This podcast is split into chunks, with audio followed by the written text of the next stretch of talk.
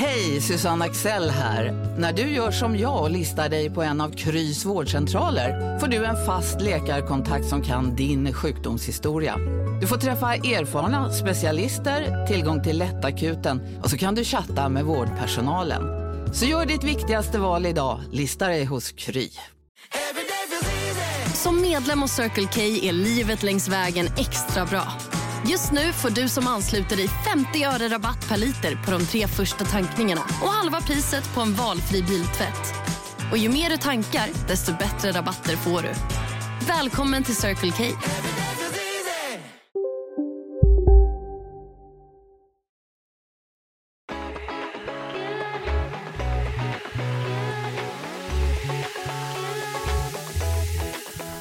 Hej och välkomna till Må bra podcast med mig Isabelle. Och mig Linnea. Och det här är ju podden där vi pratar om hälsa, både psykisk och fysisk och detta ur ett vetenskapligt perspektiv. Men där vi lägger till våra egna tankar, idéer och funderingar och som Linnea brukar säga, och ibland flummar vi ut helt och hållet. Och det är också kul. Eh, men, i, men idag blir det ett lite mindre flummigt avsnitt egentligen. egentligen. Eh, och idag kommer vi att prata om fertilitet, alltså att bli gravid med barn och infertilitet, att inte kunna bli med barn. Eh, och eller sen svårighet. Eller svårighet, ja. Och sen, eh, och sen så kommer vi även att prata lite om, eh, om stressen över att det, alltså den kvinnliga biologiska klockan helt enkelt som tickar och som kan göra en mm. stressig. I alla fall mig ibland och kanske dig också. Eh, och kanske er. Alltså, ja, inte så mycket skulle jag nog ändå inte säga. Eh, när ingen så här, förutom när någon nämner siffror om eh, chansen att bli gravid utifrån olika åldrar och man bara mm, mm tack, mm. du behöver inte berätta det för mig. Nej jag vet, jag satt på föreläsning då och bara efter den här åldern, jag tror det var typ 25 eller typ tidigare än 25 till och med, eller runt där, bara då, liksom, då sjunker fertiliteten typ. Jag bara well, typ. Jag eh, tror att den minskar typ från så 20 års ålder. Ja jag tror det var ännu tidigare, jag kommer inte ihåg exakta siffran. Men... Nej men jag kommer inte ihåg det, jag vet bara att det var väldigt tidigt i alla fall. Jag bara hmm, ah. okej okay, liksom. Eh, och jag kan tillägga det att man får en mindre fertilitet betyder bara att man har mindre benägenhet att bli gravid. Alltså man blir fortfarande ja. gravid obviously. Men, eh, men det är bara liksom läsk, det är bara sjukt liksom hur det är verkligen ett jättebra exempel på hur typ samhället har utvecklats snabbare än alltså, kropp, alltså våra människokroppar mm. typ att förr i tiden var det mycket vanligare att man fick barn typ där runt 14, alltså väldigt tidigt liksom 14, 15, 16 mm. och fick sina barn då. Och sen var man klar, eller klar kanske man inte blev riktigt heller, men man fick dem mycket tidigare i alla fall. Um, mm. Men nu i dagens samhälle så får ju alla barn väldigt mycket senare. Um, men vår kropp är ja. fortfarande gjord för att få barn tidigt egentligen. Exakt. Um, väldigt spännande. Alla är väl fel att säga, det är ju väldigt olika, framförallt spritt i landet. Um, hur, hur åldersspannet ser ut för förstagångsföderskor, eller första gång, ja, förstagångsföderskor.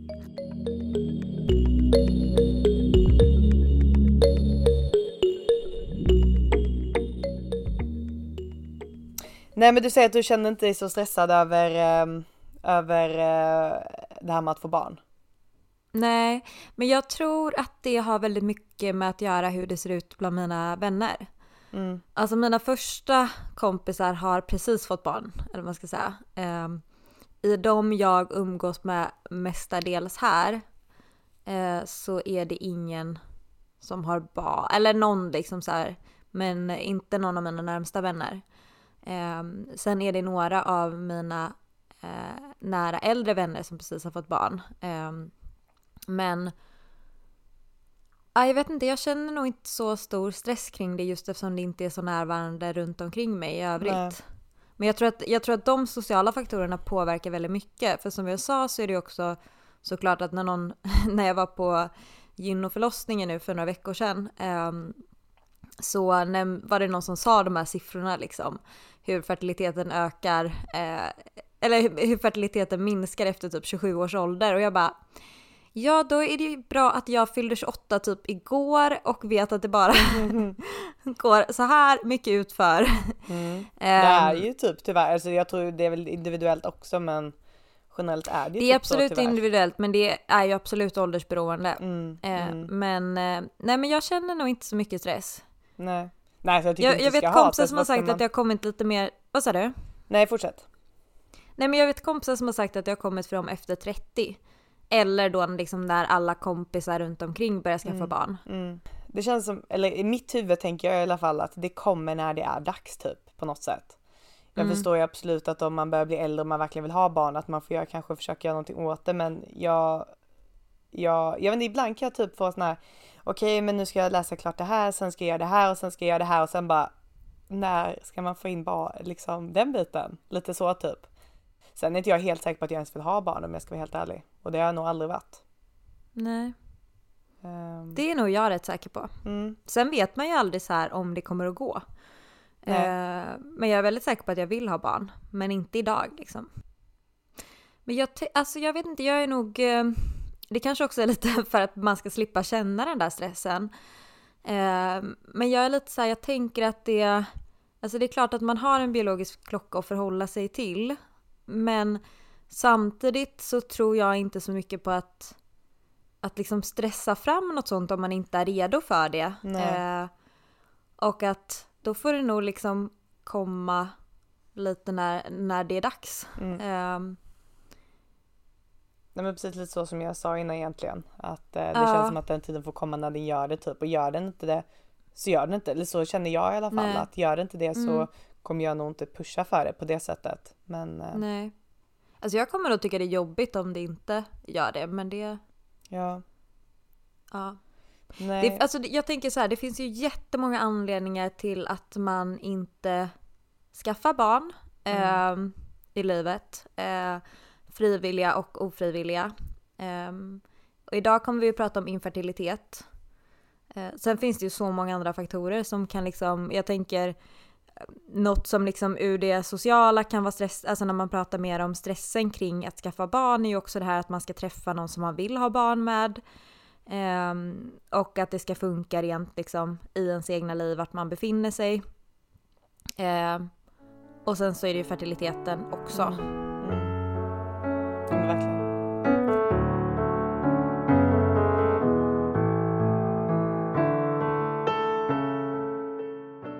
Så är det ju. Nej, vi får se vad som händer Linnea. Spännande. Det kanske ja. blir tio barn bara. Bara framtiden kan utvisa. Ja. Mm.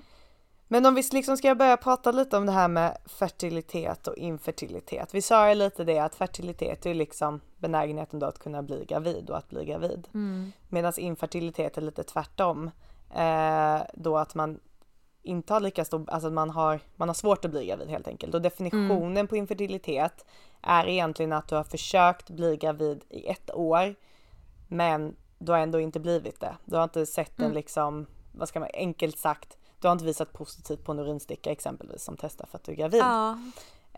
Och då gäller ju oskyddat sex liksom Ja år. precis, det förutsätter ju att man liksom har sex kont alltså, kontinuerligt, eller då i alla fall när man har en ägglossning. Ja. Ehm, oskyddat såklart. Och inte stå på några preventivmedel. Mm. Eh, men i alla fall, eh, precis och eh, Um, jag tänkte vi kan ju också bara, sen, det är ju en skillnad också på infertilitet och sterilitet. Mm. Ja det får du gärna berätta, det är bra. Ja. Att sterilitet är en total oförmåga att uppnå graviditet. Infertilitet innebär ju inte att man inte kommer kunna få barn. Utan det handlar om den här liksom ofrivilliga barnlösheten då efter mer än ett år. Eh. Precis. Och anledningen varför man då kan ha svårare att bli gravid, det finns väldigt många olika anledningar, jag kommer inte rabbla upp alla. Eh, men en grej som är exempelvis att du, att du plötsligt kanske får väldigt mer gles mens eller att du inte får lika mycket mens, alltså mensblödningar som vanligt. Och det hänger då ihop med att du inte får en ägglossning helt enkelt. Och mm. detta är då kopplat till hormonerna då. Så i en cykel som vi har pratat om mycket tidigare så är det att man får en ägglossning från äggstocken som då åker in i livmodern och sätter sig där och när den är där då så kan man ju bli gravid om det då kommer spermier annars åker den ut tillsammans med mensen. Be befruktningen sker väl i och för sig i äggledaren? Precis. Då så i alla fall och då kan det vara en hormonell anledning som gör att man, alltså att det här systemet inte fungerar som det ska helt enkelt. Och det som händer, exempelvis en grej som kan hända som inte är allt ovanlig, det är att man tränar väldigt mycket eller att man äter väldigt lite och att man får en form av energibrist som egentligen gör att de här hormonerna som ska sköta den här cykeln inte fungerar som det ska och då att man inte får de här ägglossningarna som man ska. Och det är inte en helt ovanlig orsak, så det är en av orsakerna som det kan vara. Andra saker som kan vara, det kan vara det här polycystiska ovariesyndromet som vi har pratat om innan Linnea om du kommer ihåg. Mm. Eh, och, och polycystiska ovariesyndromet det är eh, egentligen att man har massa cystor på äggstockarna. Och så har man fel i sådana hormoner där också egentligen som gör att man inte heller får de här ägglossningarna helt enkelt. Mm. Eh, sen så finns det något som heter puff som inte jag kände till innan, eller jag kallar det puff eh, innan jag började läsa egentligen. Och det är att man går in i klimakteriet när man är under 40 egentligen.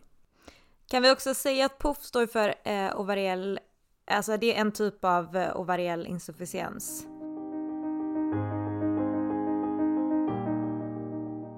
Eh, om man tänker typ klamydia exempelvis, som är en ganska vanlig eh, sexuellt smittsam sjukdom. Eh, Vad sa du för något nu? Att? Klamydia. Ja. Eh, även exempelvis gonorré. Eh, att det är också därför de är anmälda, alltså, eller en del varför de är all, alltså man måste anmäla dem, alltså att om du, om du får en kallelse så måste du gå dit och testa dig, och, eller mm. måste testa dig och så måste du då berätta vilka du har haft oskydd, eller sex med då senaste året. Och det handlar mycket mm. också om för att risken med dem är att de kan sprida sig upp till äggledarna och gör att du får en infektion där. Och eh, får du en infektion där så kan det skada eh, dem och då kan du ha svårare att bli gravid helt enkelt.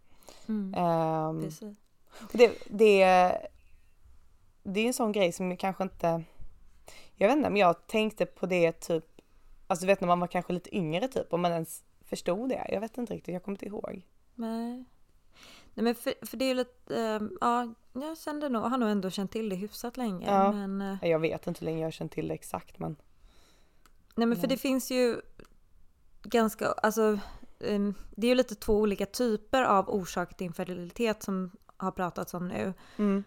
Um, det, det är ju dels då de hormonella som alltså som du pratade om först. Mm. Och sen så kan det finnas de strukturella, till exempelvis då att du har en skada på äggledaren, som mm. exempelvis efter en klamydia. Mm. Um, men du kan också ha fått det efter endometrios eller av någon annan anledning en mm, infektion mm. i äggledare. Precis. Eh, eller tidigare extrauterin graviditet mm, eh, behöver man ju många gånger operera och ibland kanske ta bort hela äggledaren. Och jag ska säga en tidigare extrauterin graviditet betyder att graviditeten inte sitter i livmodern och då kan det exempelvis sitta Exakt. i ägg, eh, äggledaren och då kan det bli skada. Och sen kan det finnas andra, alltså man kan ju ha påverkan i själva livmodern. Mm. Eh, någon missbildning, mm. eh, myom, alltså sådana här muskelknutor som gör att liksom ägget inte kan fex, äh, fästa in och växa till. Mm. Eh, eller tidigare, alltså att man har behandlat med strålning eller så som det mm. påverkar ju också liksom strukturen där i. Um. Välkommen till Maccafé på utvalda McDonalds restauranger med Baristakaffe till rimligt pris. Vad sägs om en latte eller cappuccino för bara 35 kronor? Alltid gjorda av våra utbildade baristor. Okej hörni, gänget! Vad är vårt motto? Allt är inte som du tror! Nej, allt är inte alltid som du tror. Nu täcker vårt nät 99,3 procent av Sveriges befolkning baserat på röstteckning och folkbokföringsadress. Ta reda på mer på 3.se eller i din 3-butik. Hej, Synoptik här. Livet med glasögon ska vara bekymmersfritt. Därför får du 30% på alla glasögon när du väljer Synoptik All Inclusive. All service ingår alltid.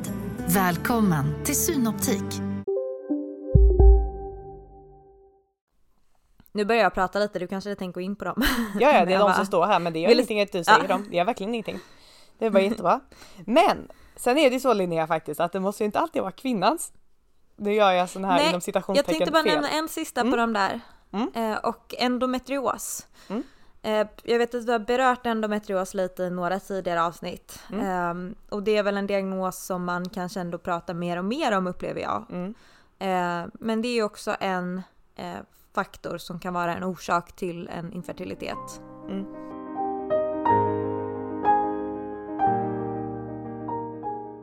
Sen finns ju mannen också. Man brukar dela in det liksom i pretestikulärt, testikulärt och posttestikulärt. Mm. Och det vill säga att problemet sitter innan testiklarna, i testiklarna mm. eller efter testiklarna.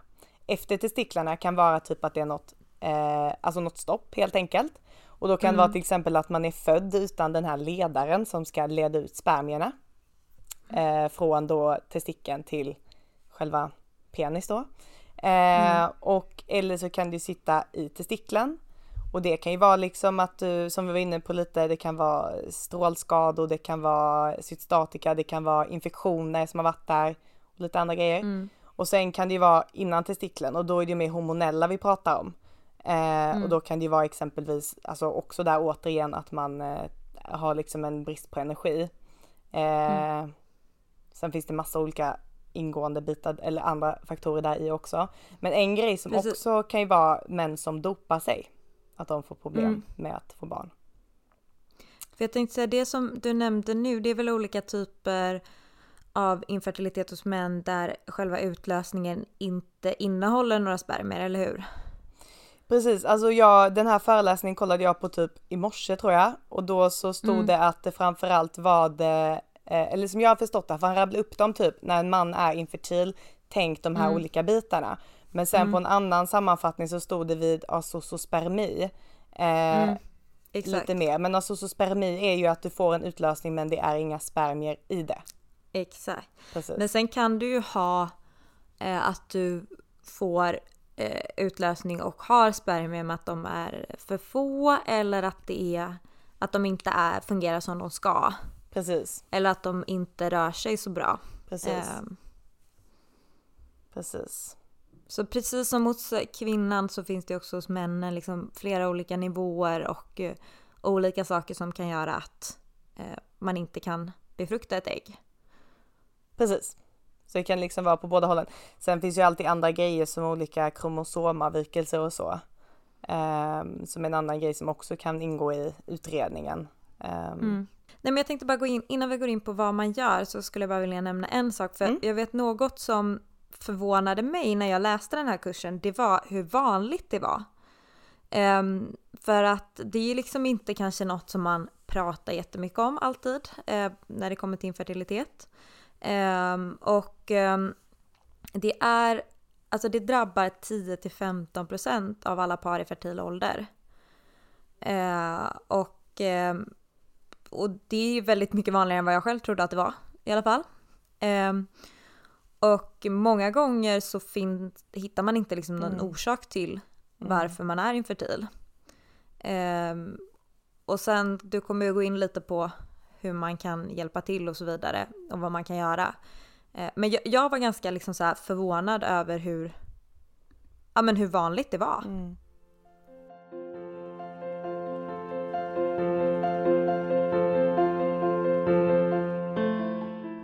Men precis, så vad kan man då göra?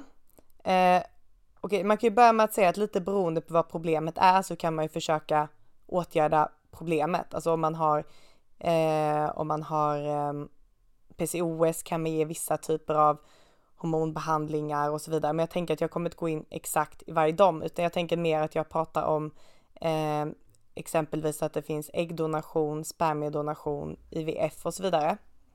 Mm. Eh, vill du säga någonting? Ja, men jag tänkte en sak. Eh, till att börja med så brukar man ju liksom försöka optimera förutsättningarna.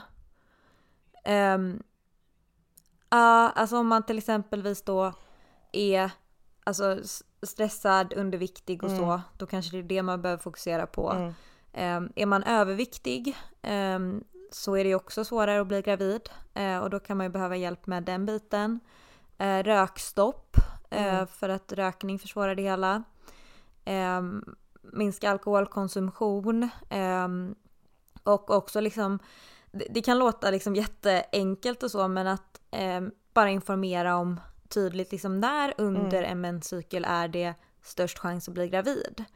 Eh, och hur länge är liksom ägget befruktningsbart och hur länge kan spermier leva och att optimera de förutsättningarna också. Mm, mm. Ja precis.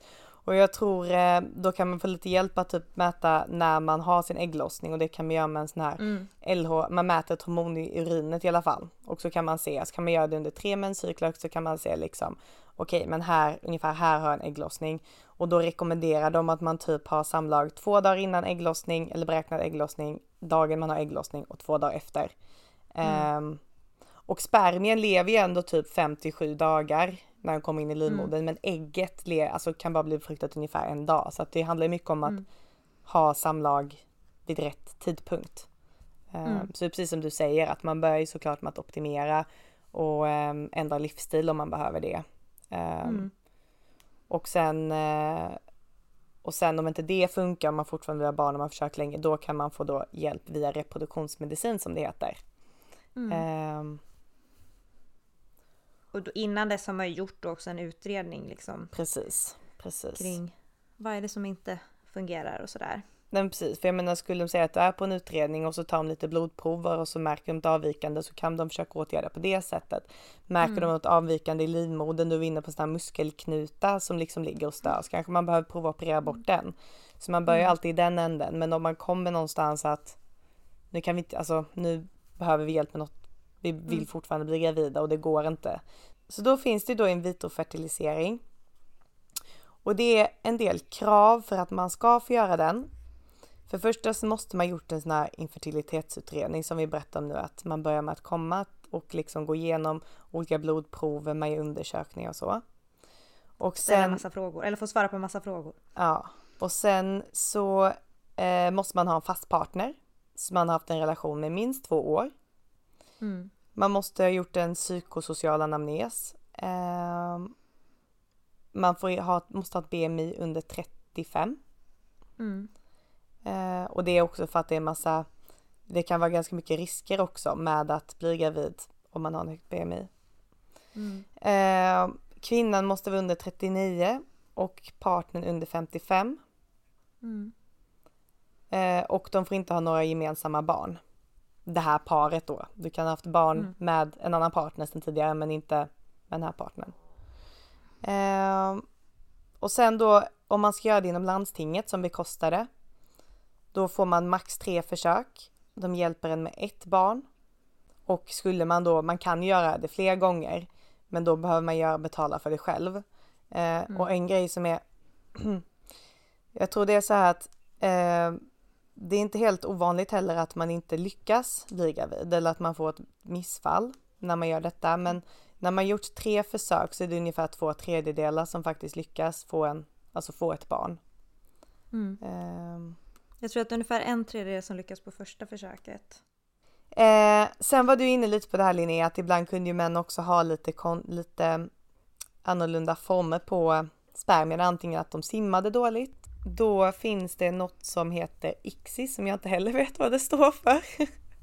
Nej, det vågar inte jag svara så mycket mer på heller. Men det är i alla fall en metod att man, eh, att om, om man har ett lite då, en lite sämre sperma så Just det. Mm. Eller typ, eller egentligen om den inte kan simma, alltså simma ut egentligen framförallt är det nog. Om mm. den inte kommer ut utan den ligger liksom i testikeln när jag tänker efter. Så kan man ta den spermien och så kan man liksom klippa av typ svansen som jag förstår det. Och sen mm. sätta in spermien i ägget via alltså en pipett då, som är mm. ett instrument man använder för att göra detta. Och det funkar ju, men det, det som är lite intressant och det är att det blir en form av dålig selektion. Så att den här har lite sämre utfall. Eh, för mm. annars är det lite vad heter survival of the fittest, att den snabbaste bästa spermien den simmar in liksom eller vad man ska säga. Mm. Medan om man bara väljer en sån här slumpvis att det är lite högre risk att den kanske är den sämre genetiska, eller ja du förstår lite vad jag menar.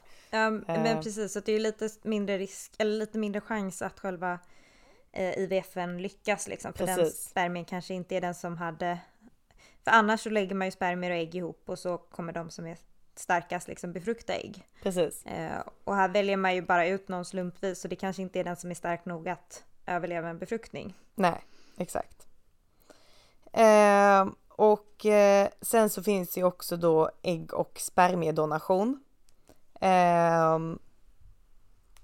och de har ju lite andra förutsättningar egentligen men äggdonation bygger mycket på att du ska liksom inte ha för några egna ägg egentligen, exempelvis som det här eh, insufficiensen på i, i äggstocken då som vi pratade om innan, puff. Mm. Um, och sen finns det även spermiedonation som alternativ. Mm. Uh, som exempelvis ett lesbiskt par skulle kunna använda sig av. Mm. Eller om man inte har några, några spermier. Eller man tar några spermier, precis. Mm. Sen finns det ju en väldigt, väldigt intressant grej som inte görs jättemycket än så länge men som ändå hålls på att göras. Det är ju uterustransplantation, alltså att man, man tar en livmoder från en annan, en kvinna och sätter in en annan kvinna.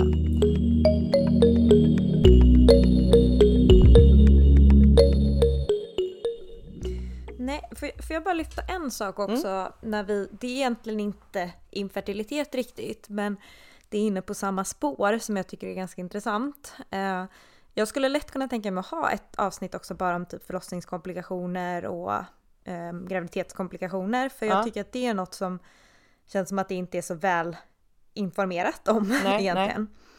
Nej. Eh, men en sak jag skulle bara vilja nämna lite det är det här med eh, kejsarsnitt och mm. komplikationer. Jag upplever att det är liksom något som man ganska mycket tycker att det är klart att man ska få välja eh, om man vill snittas eller inte. Och det jag kanske ibland upplever liksom när man bara hör folk prata om det ute i samhället är att man kanske inte är så medveten om att det finns liksom risker där också och att det finns mm. liksom anledningar till att man eh, väljer eller inte väljer kejsarsnitt. Eh, och det är klart att det är väldigt så här, kanske skönt för man slipper själva förlossningsarbetet med mm. smärtorna. Eh, man minskar risken för liksom, vissa förlossningskomplikationer som eh, du kan ju få ganska mycket alltså skador där nere, eh, vilket kan leda till urin, alltså urininkontinens eller eh, analinkontinens, att du har svårt att hålla avföring och urin. Eh, det är klart att barnet utsätts ju för en stress liksom, när de ska ut genom eh, hela liksom kanalen så att det finns ju alltid risk att även en vanlig vaginal förlossning måste göras om, att man liksom akut måste snitta någon på grund av eh, risker för barn eller mamma. Eh, men desto fler kejsarsnitt man gör desto större är risken för att liksom eh, moderkakan inte ska sitta som den borde eh, och att det finns risker både för barn och mamma med blödningar och så vidare. Eh, det ger också en ökad risk för liksom infektioner, eh, ökad blodproppsrisk. Eh, något kan liksom alltid hända med livmodern när man är där och öppnar och syr igen. Eh, och sen så får man liksom, man måste ta det lugnt med att bära saker ehm, efter ett snitt. Eh, och också en så enkel sak kanske, men man måste liksom ligga på uppvaket en stund och är lite kanske trött och kan inte alltså få den där liksom närheten till barnet kanske direkt som man annars får efter en vanlig vaginal förlossning. Um, som sagt, jag kan prata, tänka mig att prata liksom hur länge som helst mm. om just förlossnings och graviditetskomplikationer för jag tycker det är väldigt intressant. Mm. Men just det här, jag tycker att det är ofta att man hör liksom eh, i medier och så vidare att folk tycker att det är så viktigt att man ska få välja om man vill göra ett kejsarsnitt eller inte och jag tycker att ska man liksom ska man ha, alltså om man har en liksom stark åsikt om vad man vill göra så är det jätteviktigt att man också känner till varför man vill eller inte vill göra det. Mm.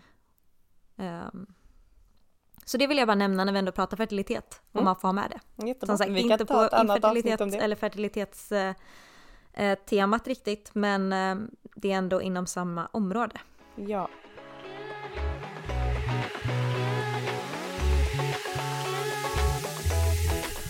Eh, tack så jättemycket för att du har lyssnat på oss och att du följer med oss här i podden. Om eh, du vill ställa någon fråga, ta upp någonting som du tycker att vi borde ta upp här i podden eller har någon form av kritik eller vad man vill kalla det så är du jättevälkommen att kontakta oss antingen via vår Instagram där vi heter Mabra Podcast eller vår e-mail eh, mabrapodcast.gmail.com Alltså må bra fast utan den lilla pricken över ået. Eh, och följ oss gärna eh, på Instagram också för att se uppdateringar dels om nya avsnitt och eh, följa med lite på ja, där vi delar lite tips och tricks kring hur vi själva hanterar stress och eh, ångest i vardagen. Ehm, ta hand om dig nu och eh, må bra tills nästa gång. Puss och kram!